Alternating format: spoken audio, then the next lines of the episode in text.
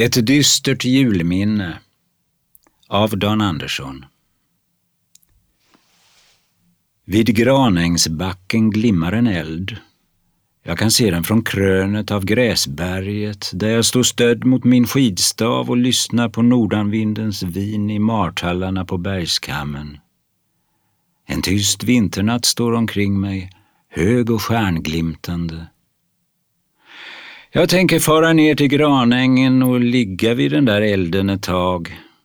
Domarpelle vaktar sina kol där och kanske kan han berätta mig något från fordom medan timmarna går.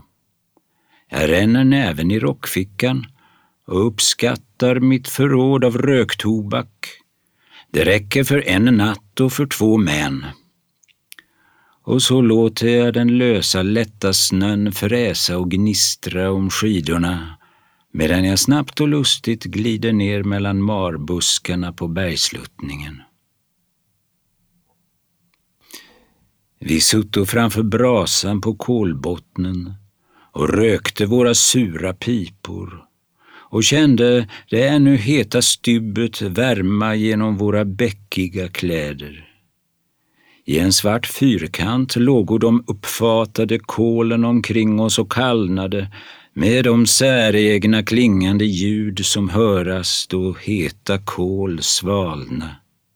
Det är många jular som inte är så värst roliga, sade Pelle och vände flatsidan av handen mot elden. Hur vi kommer att tala om julen vet jag ej, men kanske var det därför att natten var så fridfull och alla stjärnor så tindrande klara. Ja, jag kan inte annat än tänka på Sörbyfolkets julotta, fortsatte han, för det var ett herrans elände utan liknelse.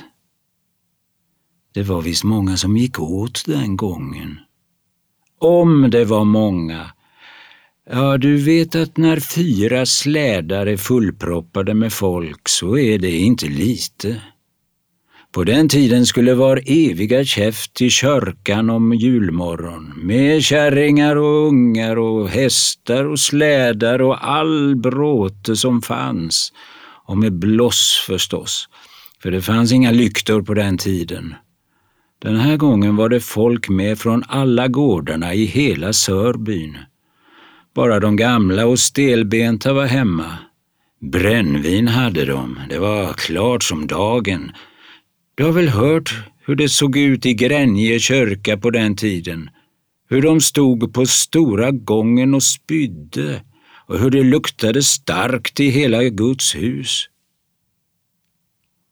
Det var en cirka två mil att åka, ja, kanske inte fullt när de for ginvägen över Gammelsjön och Gransjön. Det var vid Noret strax norr om Granhyttan det här hände. Det fryser aldrig riktigt säkert till där och de har då kunnat köra landsvägen. Men se brännvin förstås. Ja, inte vill jag säga att de var fulla inte, men jag vet hur det gick till på den tiden, så nyktra var de nog inte heller. Pelle tystnade och hans korpsvarta ansikte fick ett underligt uttryck. Eldskenet bländade våra ögon. Utanför kolhoparna stod skogen och två sidor tät som en vägg. Du vet hur det Noret är. Smalt och långt och, men så förbaskat djupt och drag är där jämt. Det kan hända att det blir en tunn isskorpa när det är riktigt smällkallt, men den smälter snart igen. Är det ljusa dagen så kan man hålla sig på kanten där isen är starkare, men den här gången var det mörkt som i en säck. Kring Noret står bra skog och landen är tvära och branta. Och så när hela skaran kom dit var det inte gott att hitta rätt inte. Ja, det är förstås om de varit nyktra så. Men den här gången körde de rakt ner i noret, hela smitan. Och du kan tänka dig hur det var. Hela högen med hästar och slädar och bloss som glimma och fräste i vattnet och som skrämde hästarna och barn och kvinnfolk som nödropade. Hästarna sparkar ner dem förstås så fort de kravlat sig upp sig en smula och hela bråten, alla om varandra och bäckmörkt som i en säck. Det var bara en som hörde nödropen. Karl Winter, skogvaktaren. Men den kraken hade bara en arm. Och vad skulle han väl kunna göra? Han hojtade och skrek allt vad han förmådde. Men det var sent på ottan och de flesta hade redan åkt förbi och de klokaste körde väl landsvägen. Men ett par skjutsar kom där ändå och Vinter skrek åt dem att stanna och ta ett par tömmar ur en av selarna att kasta ut åt folket som låg i sjön. Men si, det var då märkvärdigt. De ville inte stanna utan skrek att de hade bråttom och att de var rädda att komma för sent till ottan. De körde på kanten där isen var körstark och vid det farliga passet svängde de upp och åkte genom granskogen. Fulla som svin, det kan en begripa. Tänk dig hur det var. En femton liv som låg i sjön och slogs med det kalla vattnet och med de simmande hästarna och med isflak. Svart som i graven.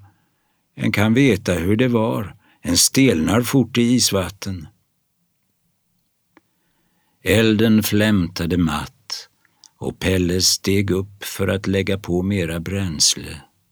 Då lågan på nytt flammade upp talade han igen. De drog upp liken sedan och det var ett kvinnfolk som höll sitt barn i famnen så hårt att det inte gick att skilja dem. Och så lades de i samma kista.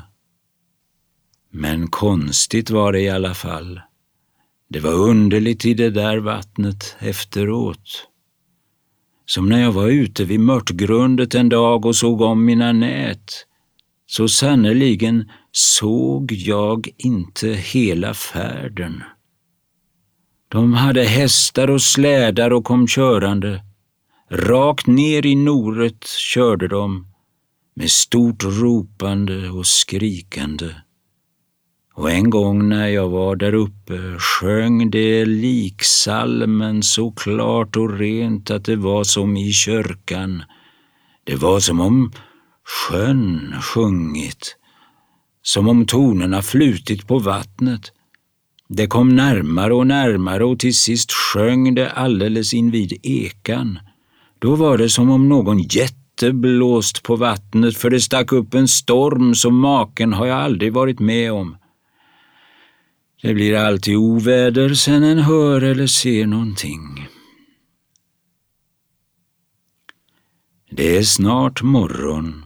Jag tar farväl av domarpelle och tänder min pipa och drager på mina skidor bort från granhängen. Ut på den vida myren far jag. Det är genaste vägen till Gräsberget. Men ute på vidden stannar jag länge och lyssnar till ett dovt brus. Det är stupforsen vid Vargåns och Paisos stora delta, där strömmen bildar fall och sedan kröker sig kring Vagnberget. Och när den forsen hörs så här klart brukar det bli töväder.